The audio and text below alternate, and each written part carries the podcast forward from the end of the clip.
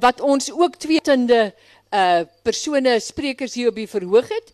Uh ek het nou vir uh Andre ook gesê Andre kyk net hoe kom die mense vir jou want ek moet dan sê as jy Andre P Brink op die program het, dan het jy altyd 'n vol saal. So ons is baie baie dankbaar en ons sal dit saam met julle uh, geniet. Ek sien daar kom ook nog steeds mense in. Uh ek wil tog net uh en dan vir Nas uh, Steenkamp, hy was ook al uh, vorige kere hier 'n spesiale gas vir die woordfees om oor sy eie werk te praat. Verlede keer, verlede jaar, nê, nee, moet daardie voorverlede jaar. Maar baie baie welkom weer uh, vandag dan nou in die rol van 'n uh, gesprekvoerder hier met Andre P Brink en dit oor mediterrane herinneringe.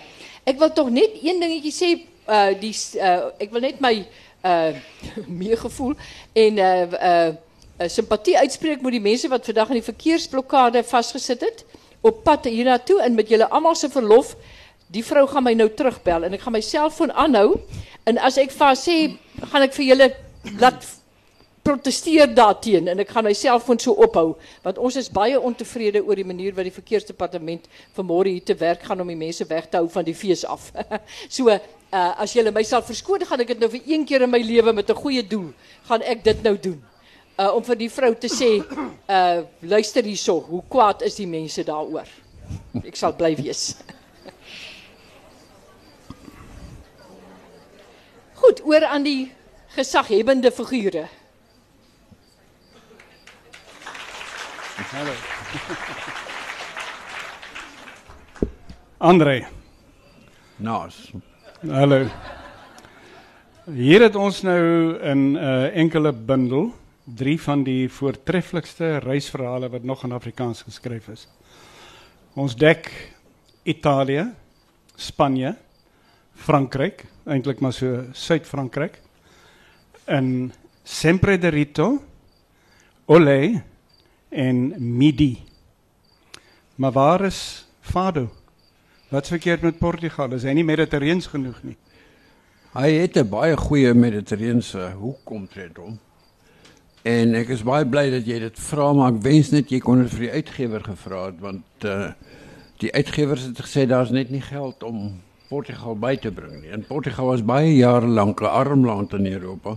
Maar ek dink hulle het ingehaal in hierdie tyd en ek sou dit graag deur die boek wou ondersteun. Maar hulle het net nie plek vir hom gehad nie. Dit sal glo in die in die in die elektroniese weergawe verskyn. Maar as jy enigsins soos ek is, dan sien jy nooit 'n elektroniese weergawe nie. Nee, 'n boek weet, moet vir my 'n boek wees. Ek ek weet nie hoe nie. Nou, okay. So onder my arm in. Hierdie uh, drie lande wat ons van praat het van die wêreld se heel groot uh literêre figure na vore gebring. Uh Spanje, Cervantes, Italië, Dante. En dan in jou geval Frankryk Andrei, vermoed ek ek moet Camus se naam noem. Baie dankie, ja. Vertel hoekom. ek sou gewoon nie ek gewees het sonder Camus nie. Uh Het was eigenlijk om een aardige reden. Ik het hier op universiteit in Zuid-Afrika tegengekomen. En natuurlijk met de tijd eerst daarna achtergekomen wat de mensen van die Franse letterkunde en van die Franse taal weet.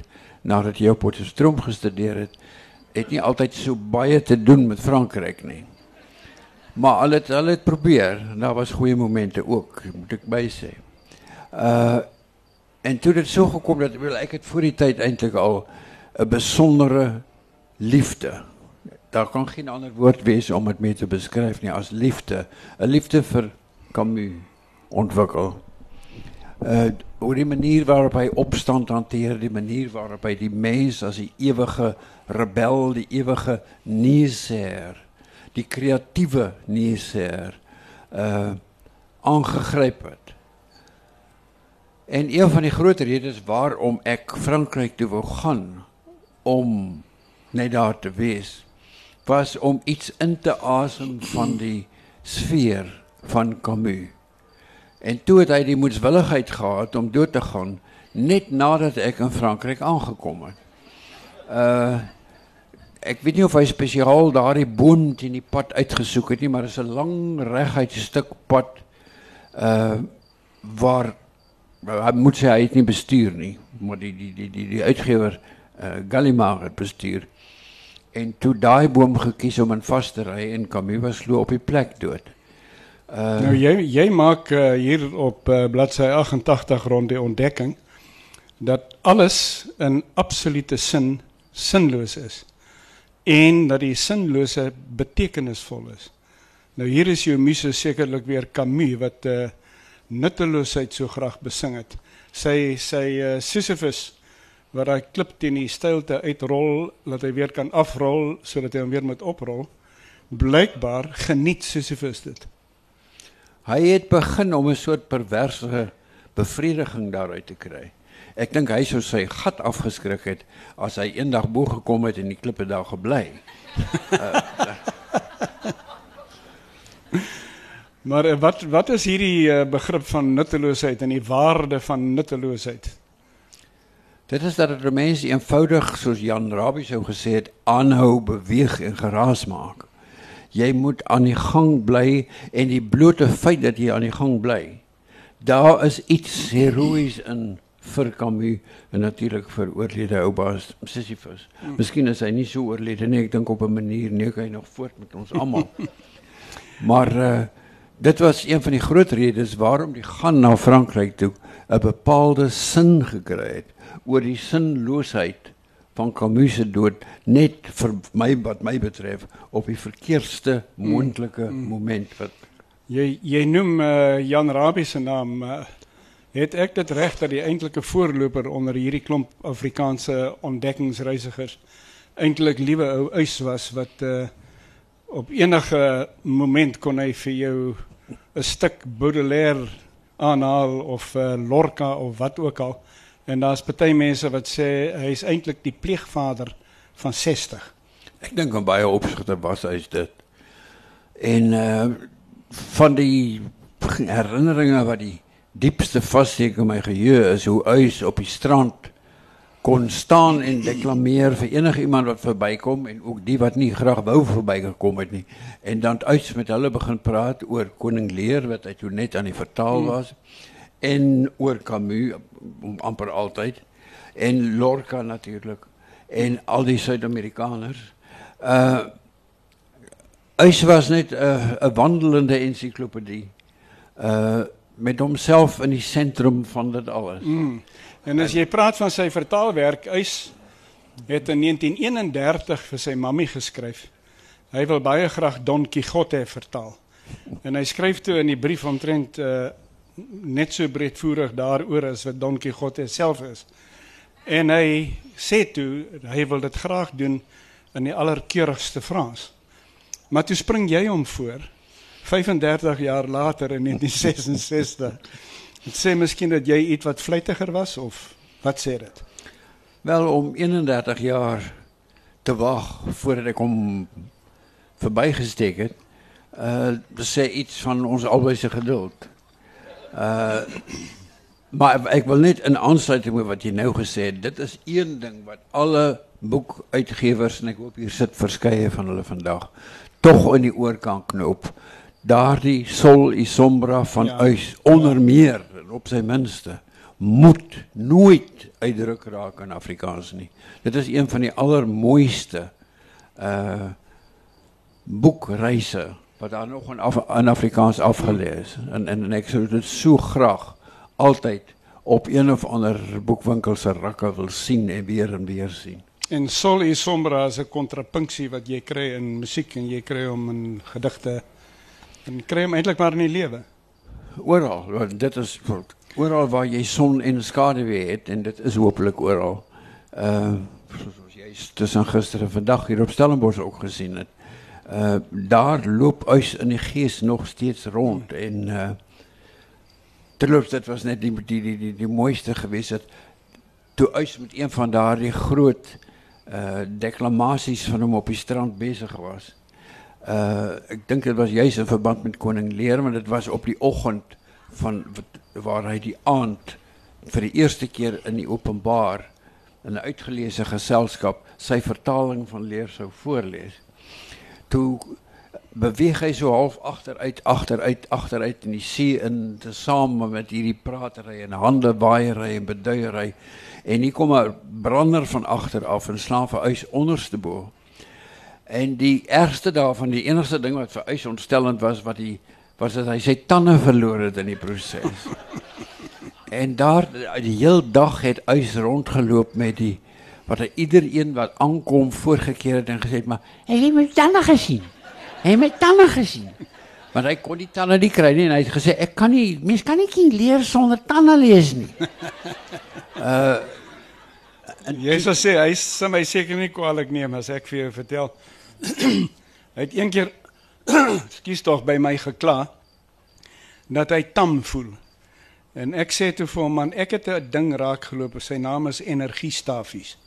Ek dink jy moet hulle kou. Wat ek vergeet het is dat hy goed klewerig is en dat hy se kuns gebid het.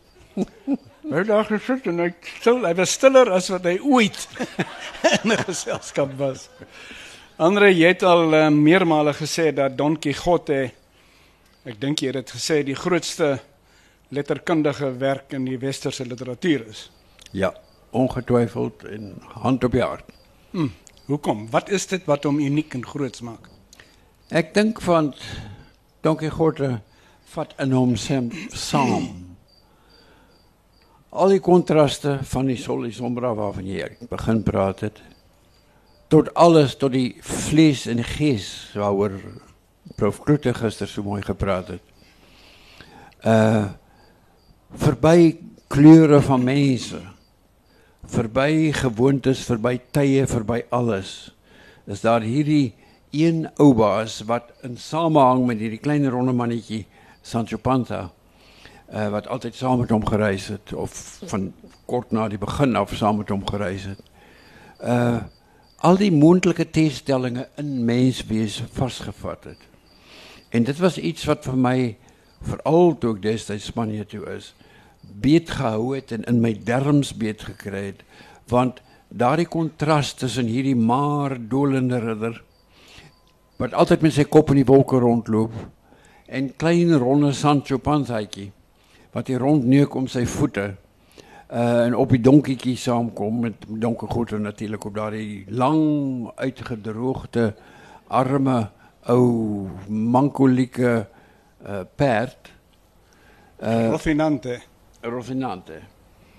En die twee samen verteenwoordig zoals die die die groot Franse kritikus Madariaga het uh verteenwoordig die mens met sy kop in die wolke en sy voet op die aarde uh en alles wat tussenin is. Uh daar was een baie moment onthou ek net nadat ek die Donkie God uit Spaans vertaal het.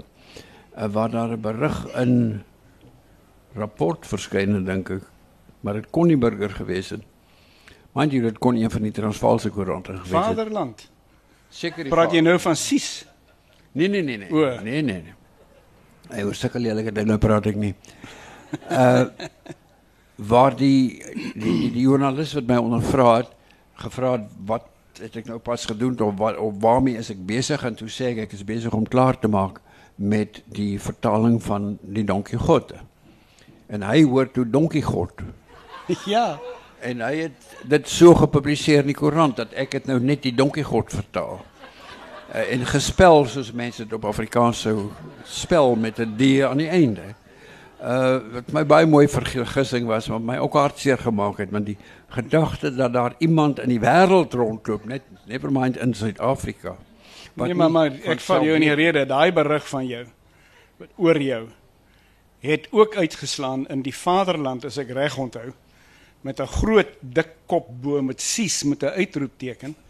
Andrei Brink wat toe al reeds die sedebewakers almal die harnas ingejaag het sê die berig het nou gevorder van pornografie na godslastering met die donkie god. maar op die manier het verwant is met ons almal saamgeloop. Uh en hy loop nog die hele pad met almal van ons saam. Ek dink aan 'n geleentheid waarvan Bram vertel het wat Bram deur Spanje gereis het en waar hy eers in La Mancha afgekom het op 'n herbergie.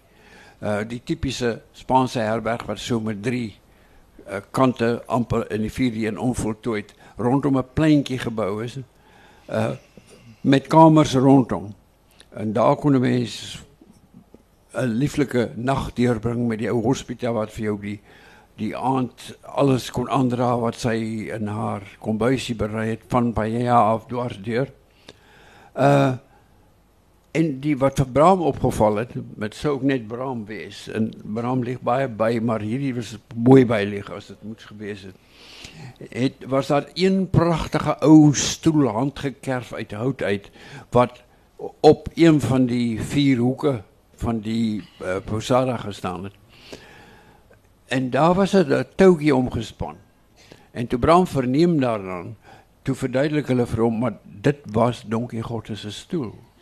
Hy het daarop gesit en daarom hou hulle dit afgeskerm van die goeie gemeente af dat nie uh, ieder en elk sommer daarop kon gaan sit nie. Uh en dit is so die vraag hoe die Spanjaarde lewe. Dat Don Quixote was werklik. En nou moet jy ook nie vir hulle daaroor praat en sê maar verspot nie, want daar was nooit 'n Don Quixote nie. Dan in die eerste in die eerste plek vir jou. Maar natuurlik was hy daar. Dit staan dan hier in die boek. En ten tweede uh natuurlik is hy nie daar nie, want dit staan in 'n boek. En op die manier is die daar wees en die nie daar wees nie. In Spanje twee dinge wat altyd so dig met mekaar verbonde is dat jy nooit sommer net 'n stelling moet maak oor dit of dat nie. Dit is altyd dit en dat. Jy het seker 'n lang aanloop gehad met daai vertaling want ek kan my nie indink dat 'n ou wat in Frankryk sit in Parys sommer op 'n dag besluit hy gaan met behulp van 'n woordeboek eh, Don Quixote in Afrikaans vertaal nie. Hoe het jy dit reg gekry om jou dermate in Spaans en in daai beleweniswêreld van Cervantes in te leef om die ding te kan vertaal? Lees, lees, lees. Dit is waaroor hierdie boekefees van julle gaan Dorothea. Mm, hoor hoor daarvoor. En mens kan net nooit genoeg lees nie en dit is deur lees dat Don Quixote ook geword het wat hy was want sy sy, sy brein, sy harsings het opgedroog volgens Cervantes uh, se beskrywing daarvan. Uh omdat hy so voortdurend uh ridderromans gelees het oor die grootste ridders van die ou tyd uh, van van die tyd van Karel die Grote en nog vroeër. Uh en met al hierdie versotheid wat in hom ontwikkel het oor die lees van ridderverhale, het hy later begin dink dat hy self 'n ridder is en het hy allerlei ridderlike uh avonture beleef as hy by 'n uh, herbergie aankom en daar staan so 'n paar prostituie op die op die stoep rond dan het hy nader gegaan en baie soos uit na hulle welstand verneem en uh groete gestuur van die huis af en van huis tot huis en so aan. Eh, en nooit beseft waarmee hij te doen heeft niet. Maar altijd gegloeid dat hij moet prinsessen wees. Want wat zouden anders hier in een kasteel doen? En die kasteel, die arme verfrommelde oude uh, posadaatje, herbergje waar hij om op enige bepaalde tijdstip bevond het, was dan eh, uh, enig iets. Hij kon daarvan enig iets maken. Eh, en op hierdie manier ek kan die hele dag nog verskillende dae aan mekaar praat net oor hierdie ou baas en en hierdie boek, hierdie wonderboek wat uh van my lewe saam met my afgelê het en tot die dag van my dood uh nog daar sal wees ek daai sterfwoorde van hom laat ons versigtig laat ons stadig loop senjores want daar is nie meer voels in verlede jaar se neste mm. Dit is louter poesie van begin tot einde en los nidos de ayer ja. jy uh, jy sê niks jy weet en hier is baie mense hier skat ek wat waarskynlik al op 'n pelgrimstog Spanje toe gegaan het en die roete van Sint Jakobus van Compostela geloop het En vreemd genoeg het jy in Oulé nie daarbey uitgekom nie. Is dit omdat jy nie te sterk katoliek was daai dae nie of wat was die rede? Wel, ek sit nou brandend wag van dag tot dag om vir die nuwe paus. Maar uh die katolisisme as sodanig het niks te doen gehad daarmee nie. Ek ek het doodgewoon nie nog plek gehad vir vir, vir Sint Jakobus nie. Uh hoewel ek nou al 'n hele paar mense ontmoet het wat daar die hele pelgrimstog afgelê het en dit klink vir my een van die dinge wat as my bene nie ingegee het nie was wat ek graag nog eendag sou wou gedoen het. Maar juis oor die kerk is daar nou 'n mooi stukkie hierso jy Uh, jy praat van uh, hoe dat die kerk en daarbey bedoel ons nou seker paus en katolisisme aanhou floreer in weerwil van al sy vergrype. En dan kom jy hier op bladsy 70 uit by Boccaccio, 'n pragtige storie van die Jood wat hom bekeer juis omdat glo hy 'n godsdiens wat ondanks soveel misbruike bly voortbestaan beslis wonderliker as enige ander moet wees. Met hierdie prettige paradoks in gedagte is die kerk se toekoms seker verseker al het ons nog nie die nuwe paus nie. O ja, en ek dink ten spyte daarvan en en Cervantes sou sekerlik een gewees het en Cervantes en Boccaccio in hierdie geval natuurlik uh sou baie baie bly gewees het oor al die vergrype wat daar in die kerk plaasvind en die afgelope paar jaar plaasgevind het want dit bewys net des te meer hoe menslik en hoe op die mens af die kerk ingestel is en behoort te wees. En ons uh, eie kerk en sy bode en die beswaardheid oor deelname aan 'n uh, oop gesprek by die woordfees. Ek dink dit is ook maar deel van die misbruike waaraan die kerk hom altyd deur die alle jare sal skuldig maak. En uh die eienaardige bly dat ten spyte van dit alles het die kerk 'n manier om wortel te skiet en soos 'n alwyn of 'n garingboom altyd aan die gang te bly en van garingbome maak hulle tequila te loop. Mm, ja. Jy sê ewester elke reis is 'n soektog. Maar as 'n mens deur jou lewe heen aanhou reis, soos jy, uh ontdek 'n mens ooit nog iets nuuts? Raak dinge nie bietjie déjà vu nie? Nee.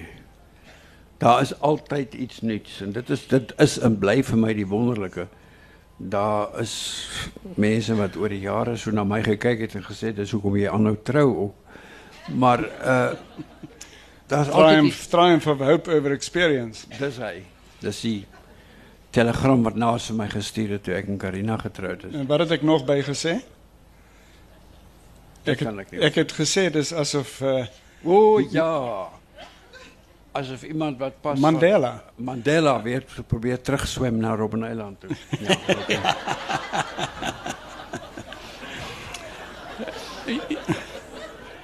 En uh, sempre sê jy iets slims op bladsy 39 wat ek nie mooi verstaan nie. Jy sê alleen deur sekere heroïese enkelinge word die lewe leefbaar gemaak. Dit kan ek verstaan. Maar nou kom alleen so word die tragiese van die condition humaine tot katarsis gebring. Nou my help 'n bietjie. Wel, hoe As jy kan onthou wat dit beteken het. Hoeveel tyd het jy? Geef vir ons in een sin net op een kant van die papier. Dit sal 'n langerige sin wees, Oké. maar eh, dit dit kom basies met daarop neer dat die die, die idee van die katarsis daardie idee die moment van as mense nou in teen die agtergrond van die boeddhisme en so en ook al beskou eh, teen die agtergrond hiervan daardie moment waar die lewe vir jou skielik deurlig staan en jy verstaan dat daar antwoorde is al kom jy self in die loop van jou lewe nie daarbey uit nie. Uh daardie oomblik van openbaring, daardie oomblik van ontdekking. En vir my op elke enkele reis op 'n een of ander manier is daar hierdie ontdekking wat maak dat jy besef dat die die lewe is tog hoe lank jy ook al lewe anders as wat jy gedink het in elke opsig sou wees. Daar is altyd verrassings om elke draai. Daar's altyd die nuwe. Daar's altyd die onverwagte glimlag op straat waar jy by iemand verbykom en die persoon groet en glimlag en jy weet dit dit is nie moeite werd om 'n mens te wees omdat dinge nooit altyd volkome voorspelbaar is nie. En dit is hierdie onvoorspelbare van die lewe wat my my lewe lank aan die reis gehou het en selfs nou nog uh met groot plesier aan die gang hou.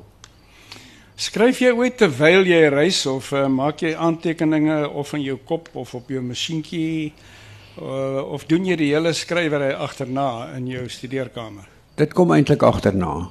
Ek maak baie aantekeninge terwyl ek op reis is. Ek het gewoonlik 'n klein handboekie of 'n dingetjie of 'n 'n sakboekie of 'n aantekeningboekie by my en daarin krabbel ek. Meeste van daardie krabbelinge kan ek agterna glad nie meer ontsyfer nie. En dan moet ek my maar verbeel en dat dit is ook uh, 'n metafoor vir die manier waarop die reise plaasvind. Dit is halfpad werklikheid en dit is halfpad verbeelding. Want jy kan jou verbeelding laat gaan terwyl jy besig is met reis. So die reis is vol ontdekkings van sy eie, maar daar is op 'n ander vlak nog altyd die ontdekking van die onverwagte binne in die gewone en die alledaagse. Want niks jy kan hier uitloop na die uh Sasol gebou toe. Uh en onderweg is daar iets wat jy nie heeltemal voorsien het nie, wat jou verras, wat jou laat lag.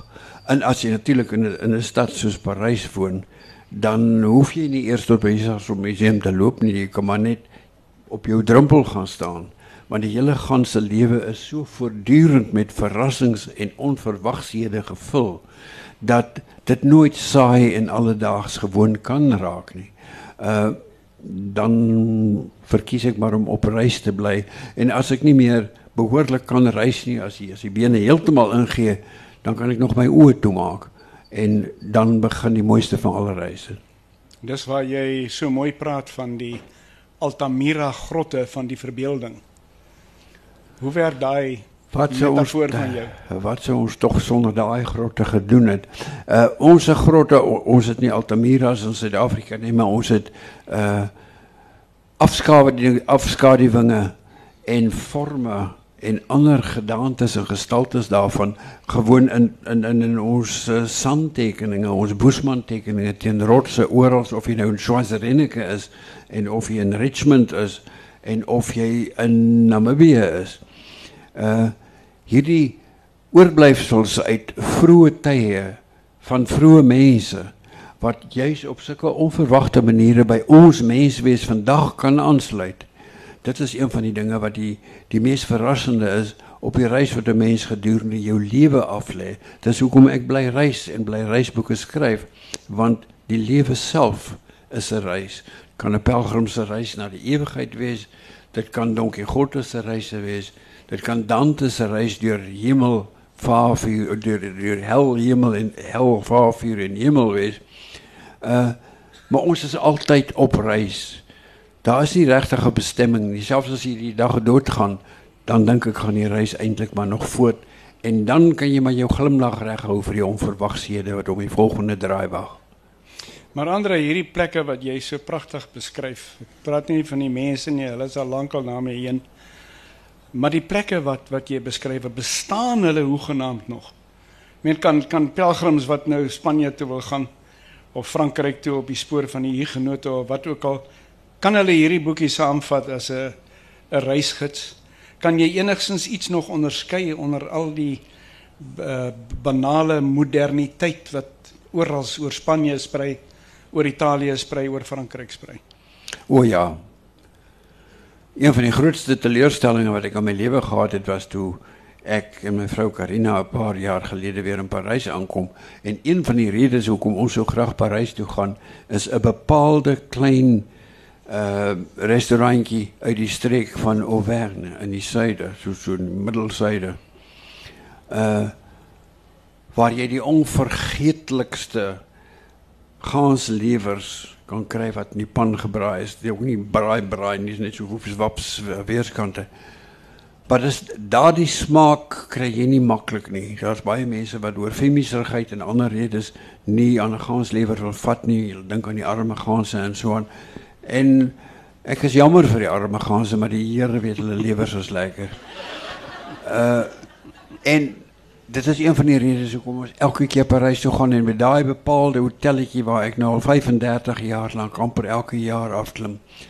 Uh is net langs die restaurantjie geleë en die bepaalde dag jaar of twee gelede toe ons terugkom in Parys het ons te vroeg afgeklim van die moltrein van Charles de Gaulle af.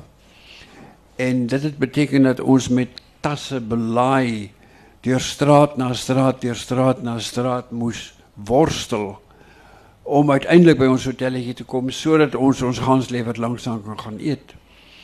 Eh, dat was al wat ons in gang gehouden, want die tasse was blerrie zwaar geweest. En toen ons uiteindelijk bij die restaurantje aankom, toen hij verander in een, in een pizzaplek. Ja. Eh, dit was werkelijk een van die allergrootste teleurstellingen wat ik aan mijn leven gehad heb. En om aan te knopen wat je eindelijk gevraagd hebt. Natuurlijk is daar banaliteiten en moderniseringen en allerlei ontwikkelingen aan de gang in elk van die landen, elk van die steden of elk van die dorpjes wat ik beschrijf heb.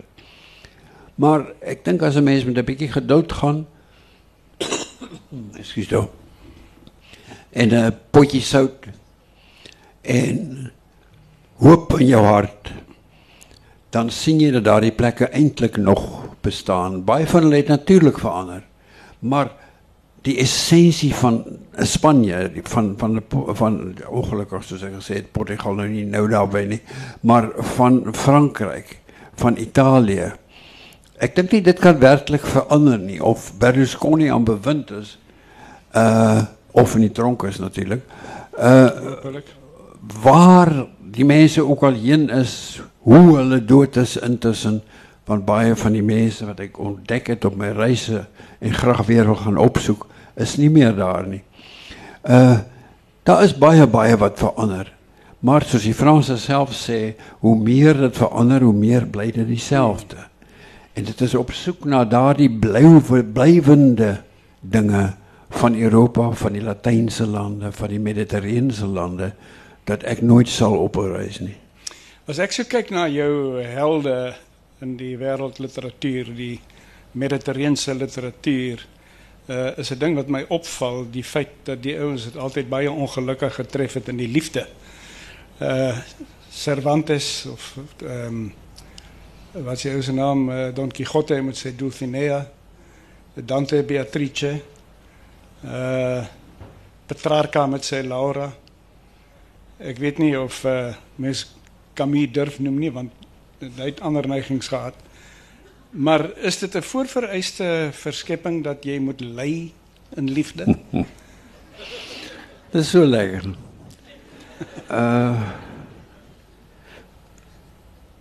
Ek wil nie vir algemeen daaroor nie want in, vir my was een van die wonderlikste dinge wat ooit met my gebeur het dat ek hele end in die 70 in was toe ek Karina ontmoet het. Ek moet uit Suid-Afrika uitkom, sy moet uit Pole uitkom sodat ons mekaar in uh Oostenryk ontmoet. Uh eintlik op pad Frankryk toe. Uh En skielik was al die reise en al die hartseer en al die teleurstellings en al die letterlike trane van baie baie jare die moeite werd want van toe af kon ek weet ek het gedoen wat ek nooit gedink het ek sou kon nie en dit is om ergens uit te kom. Eh, maar nu kan ik daar die ergens ook met mij samenvatten op mijn reizen. Eh, want het is nooit één vaste plek niet. Uh, eh, wat ze hier hebben, we geen vaste verblijfplaats. Plaats. Um, mens kan ergens uitkomen en je kan nog altijd op reis blij. Dat is een van die wonderlijke paradoxen wat de mens aan die leven houdt. En jij kan creatief blij, want, want jij is eigenlijk verbluffend kreatief en wat jy nou hier beskryf is hierdie dae wat jou bene begin wankel. Jy het eh, 'n uh, paar baie mooi goed geskep. Uh, ek vir een was uh, werklik onderste bo geslaan deur Bidsprinka nou die aand. Ek het my nooit kon dink dat eh, 'n uh, boek soos daai in 'n drama op 'n verhoog kan eindig soos hy geëindig het nie. Het jy dit gesien? Is jy tevrede daarmee? Ek het dit gelukkig gesien want ek dink Saartjie is een van die kreatiefste en sensitiefste geeste wat ons in hierdie land in die kunste aan die werk het.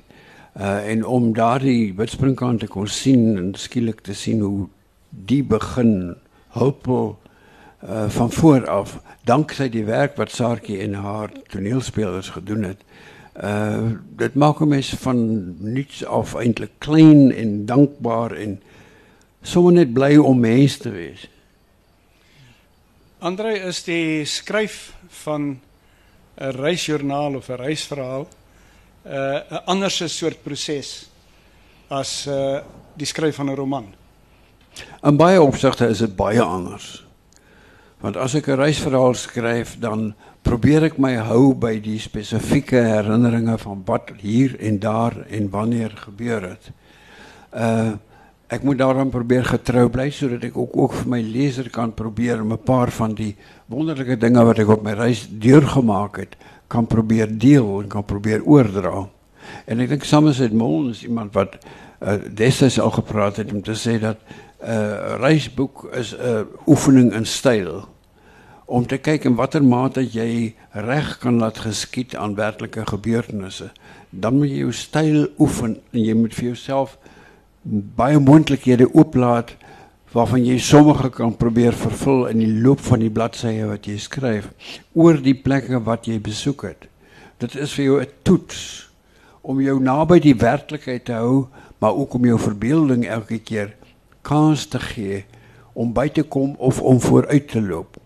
Uh, 'n Reisboek is 'n baie besondere oefening in verbeelding en in werklikheidsbeskrywing en in daardie opsig is dit miskien nie soseer anders nie as dat dit 'n intensivering is van die proses wat 'n mens deurmaak wanneer jy 'n roman skryf. Die twee vul mekaar op 'n vreemde manier eintlik aan en albei was in die loop van my lewe vir my belangrik en nodig. Die een het altyd die ander een so iets van 'n hulpstootjie gegee.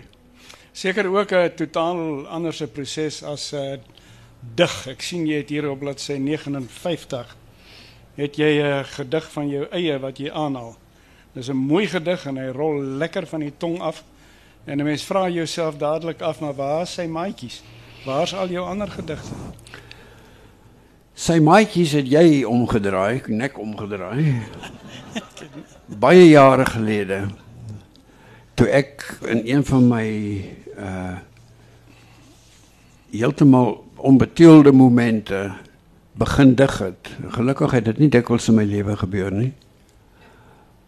En toe stuur ek vernaas so 'n kluif van die gedigte wat ek net gepleeg het onder invloed van die liefde vir Ingrid. Uh wat ek toe begin dig het soos 'n derde rangse Ingrid in die manlike vorm. En dit werk nie. En ik stuur het vernaast en ik vraag om commentaar. En hij antwoordt op mijn brief, maar hij beantwoordt niet daar. Hij, hij zei niks van haar gedachten. Eh, uh, en na ik, in de volgende brief noem ik van hem, het jij terloops eh, die gedachten gekregen wat ik laatst voor jou gestuurd En hij schrijft vir mijn lang brief terug en ter, hij sê niet zo en die verbygaan daar terloops ja ik heb toen die gedachten gekregen. Niks verder niet en tussen de derde of vierde keer dat ik die vraag moest herhalen zonder een antwoord, toen ik me opgehouden, want hij heeft gelukkig verder gezien op dat tijdstip als wat ik zo kon. En ik is hem nou nog dankbaar. Wel, ik is dan zeker die Afrikaanse cultuurskat aan letteren uh, eh, apologie skuldig, maar ik denk Ingrid zou verlig geweest het. Baie. Zij het ook een, een scherper taal als jij gezegd. Is het zo? Andre, is dit nie vir jou hartseer uh, hoe die groter, sterker tale ander verdring nie? Jy mense sien in in in die suide van Frankryk hoe provensaals nog probeer uh Oksitaans liewers aan die gang bly. Uh en is dit nie maar 'n uh, voorafskaduwing van wat vir ons voorlê hier nie? Ek weet nie. Ek dink solank daar mense is wat 'n bepaalde taal wil praat en dit bly praat. Selfs al sou uh Zuma probeer om Afrikaans nek om te draai. As Afrikaans genoeg lewe in hom het en genoeg mense wat Afrikaans bly praat en in ons bepaalde geval genoeg mense wat nie wit is nie, Afrikaans wil bly praat, dan dink ek nie het ons enige probleme nie. Dit was my een van die grootste momente van heerlikheid in my lewe toe ek verlede jaar uh Oksitaanse vertaling van een van my boeke in die kry. Nee. Uh want dit is maar 'n taal wat deur 'n paar duisend mense gepraat word. Maar hulle het dit tog nog 'n uitdaging gevind om iets uit Afrikaans uit waar mind jy hulle dit nie uit Afrikaans uit nie, hulle het dit uit Frans uit vertaal. Uh iets in Oksitaans te vertaal, dan dan sê dit iets van Oksitaans, maar dit sê uiteindelik van Afrikaans ook tog iets, mm. want hy het nog iets wat hy kan sê en wat nie werklik deur 'n ander taal gesê kan word nie. Jy moet na die Afrikaans toe gaan op een of ander manier en dit uh dit hou albei aan die gang. Nou maar hierdie lyk my is amper nie so seer 'n ander ding as wat dit 'n ding van Afrikaanse skrywers is nie. Uh Uys het destyds in Frankryk eers werklik tot die besef gekom van hoe onbeholpe sy Afrikaans eintlik maar is. Uh Jan Rabie baie dieselfde ding. Ek kan nie oor Etienne Leroux praat nie. Ek kan met 'n bietjie meer gesag oor jou praat. Dis vir my al asof uh kreatiewe Afrikaanse skrywers se liefde vir Afrikaans verinnig en verdiep wanneer hulle blootgestel word aan hierdie Europese tale. Ervaar jy dit ook so? Ek dink ek kan daar net hartlik onderskryf wat jy sê. Dit is daardie ontdekking van die ander taal, die uitdaging wat dit aan jou stel om te kyk kan Afrikaans hier agterna kom. Die paar keer dat ek dit gewaag het met meer vermetelheid as kennis uh om Shakespeare te vertaal, uh was dit vir my een van die grootste voldoeninge om om vir my te toets om te sê kan Afrikaans saam met Richard III kan Afrikaans saam met Juliet praat uh in bio ek dink my vertalings het ver te kort geskied maar die probeer die uitdaging wat dit stel aan die Afrikaanse skrywer om uit ander tale te vertaal ek dink dit is elke keer iets wat opnuut 'n dimensie en 'n waarde en 'n nuance toevoeg aan Afrikaans self. En dit is een van die redes waarom ek aan Afrikaans bly glo. Ek kan nie anders as om diep bewus te wees van die feit dat die jaar 2013 die 50ste herdenking is van die verbod op kennis van die aand. Presies 50 jaar gelede. Nou ek kan eenvoudig nie begryp hoe 'n epogmakende boek soos daai nie uh weer eens verskyn het nie. Waarskynlik toegelig, kom ons sê met 'n uh, kommentare en 'n uh, paar voorwoorde en ensovoorts. Maar die boek verdien dit absoluut as 'n baken in in die Afrikaanse uh romanskrywery om nou weer gehuldig te word. Het jy enige reaksie daarop? Stem jy met my saam? Ek is hartseer saam voelend met jou daaroor. En hier moet ek sê dat ek vir die uitgewers gevra of dit moontlik was dat net so klein boekie kon maak uh om die okasie te herdenk. Maar uh, daar is natuurlik finansiële redes daar wat uh, in baie uitgewerrye sterker praat as bloot literêre oorwegings en dit was vir my een van die groot hartsere van die afgelope paar jaar. Maar dit het toe nie gebeur nie en dit gaan ook nie gebeur nie. Maar um,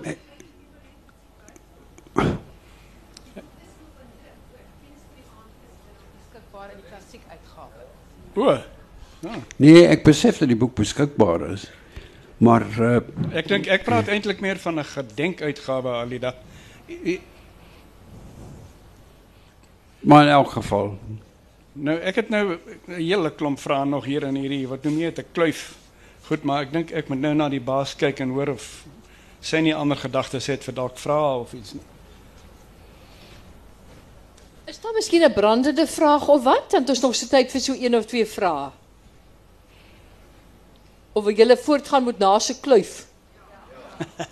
Tog wel, want is daar 'n vraagie? Nee, lyk my hulle hulle kies een paar net so eienaardig genoeg het hulle vandag met PG ook gemaak. Dis asof die mense heeltemal uh, stom geslaan raak voor julle groothede hier op die verhoog. Goed, dan uh, vra ek maar kan ek maar dan aanpraat. So twee per af uh, vir afsluiting, nê? Nee. OK, goed. Ehm um, ons het almal maar 'n uh, neiging tot uh, veralgemening en vergelyking. Uh, ek sien die afgelope weke baie interessante waarneming. Hulle sê Europeërs kyk na alles deur 'n idealistiese bril. Daarom is hulle so verbind aan die ideaal van 'n verenigende Europa. En die Britte kyk weer deur 'n empiriese bril en empire. daarom is hulle so skepties. 'n Empire bril. 'n Empiriese bril. En daarom is hulle so skepties oor die Europese ideaal. Nou jy maak op jou beurt weer hier op bladsy 113 'n vreeslike interessante vergelyking tussen Fransman en Spanjaard. Die Fransman probeer alles herlei tot die wêreld van die gees terwyl die Spanjaard konkreet dink. Nou wat jy van ons nog 'n paar veralgemenende vergelykings tussen daai drie lande. Uh Spanje, Frankryk, Italië. Los los die meisies voorlopig een kant. Ek kan net eh, bysê by die Spanjaarde dat uh Klute se se se se se gesprek van gister eintlik weer nuwe dimensies onthul het aan die feit dat ons vlees gebore is, dat jy begin by vlees en dat die gees altyd saamkom en agterna kom en bykom. Uh en dat dit 'n baie Spaanse manier is van van lewe. Nee, ek dink mense sou eintlik baie lank kom praat as jy dan Frans wees, Italiaans wees, Spaans wees, naast mekaar stel. Al drie van hulle in 'n hoë mate gevorm deur die manier waarop sekere latynse volkere deur baie eeue aangepas het by die destydse inheemse volkere. Hoe almal van hulle gereageer het op die Middellandse See en die feit dat hulle die Middellandse See omring en as ware op die rand van die bekende wêreld lewe en vasklou aan die die vaste aarde wat daar te kry is. En natuurlik die die bepaalde kultuur wat in sulke omstandighede in sulke lande ontwikkel. Maar om dan verder te gaan te kyk watter ander nuances die Franse gegee het as wat die Spanjaarde gegee het, as wat die Italianers gegee het, as wat die Portugese gegee het. Dit is jammer dat die Portugese nie hier kon bykom nie. Uh dan is dit een van die fascinerendste ontdekkingstogte wat 'n mens in jou lewe kan maak. En ek ek ek dink nie ek ek gaan nou, ek het nie nou die tyd gewoon om in te gaan op ander spesifikasies van hierdie ander nuances wat uit Frankryk, uit Italië en uit Spanje kom nie.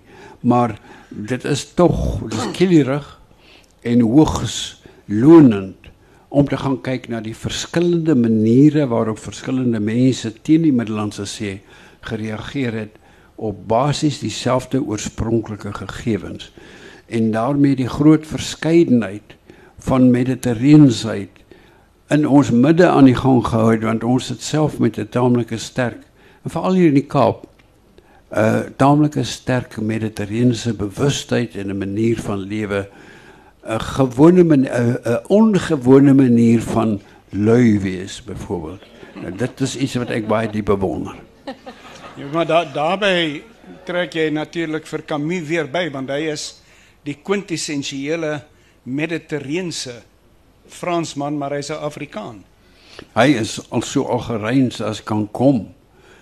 Ehm um, en toe ek 'n jaar of twee gelede kans gehad het om op sy voetspore in Algerië te gaan loop, het ek net weer besef watter erfenis hy spesifiek ook vir ons in Afrikaans gelewer het bloot deur wat ons van hom weet, deur die vertalings van sy werke wat beginnende by Jan Rabie uh met met met sy die vreemdeling uh die met die voorreg wat ons het om daardie dinge nog te hê en voortdurend in die nabye daarvan te lewe.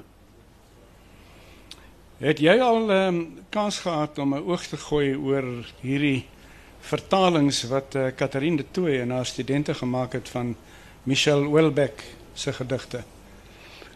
Net 'n effense kans en dis net 'n effense blik. Maar die bietjie wat ek daarvan gesien het, het my laat besef dat hier 'n baie besonderse uh kwaliteit van vertaling van herdink van opnuut skryf uh dat ons daarmee op 'n besondere manier te doen het uh afgesien net van die blote kwaliteit van daardie bepaalde versameling van van werke. Ja. Ek dink dit is uh uh hierlaas nou tyd naas. Ja, Ons gaan nou nie vou- deur die verdere kluif kom nie. Ek vou my kluif op en kan ek net die laaste woord bysê asseblief Dorothea en dit is dat werklik met my hand op my hart sê ek hierdie is 'n voortreffelike heerlike wonderlike lekker lees boekie en ek het baie nostalgies geraak toe ek dit weer lees. Ek kan hom baie sterk aanbeveel.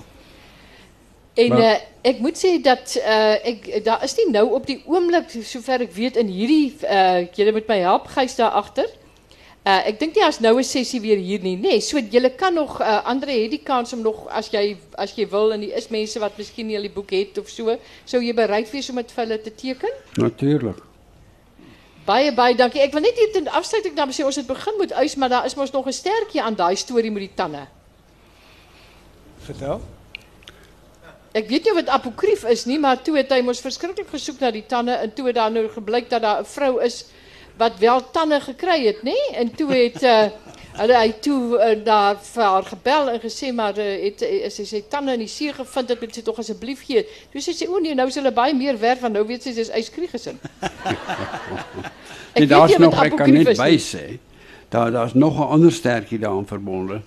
En dat is dat, dat ijs toen het nou aan zijn kant begin worden op daardie dag waarop die tannen uit zijn mond uitgeslaan is. Uh, het hij begin besef, maar vanavond moet ik heel lezen, Afrikaans lezen en ik kan dit niet doen zonder tanden niet. En waar krijg ik nou tanden? En toen het hij op onderus rond verneem, die kant toe en die kant toe. Uh, en iemand komt zeggen voor maar je weet hier, en daar is zijn straatje op. Daar is een plekje waar jij tannen kan krijgen. En uis is toe daar baie vinnig in die bepaalde straatjie op en hy kom by die plek en hy gaan aan en hier is waar die is die man van wie hulle gepraat het werklik en hy begin 'n paar laaitjies ooptrek en dit is vol tande. En uis het toe aangepas, aangepas, aangepas tot hy 'n boostel en 'n onderstel gekry het wat naaste by pas en hy het toe met die tande aan uh die aand gaan voorlees. En eers daar daarna het iemand vir hom gesê, "Maar besef jy dis 'n begrafnisondernemer waar jy was."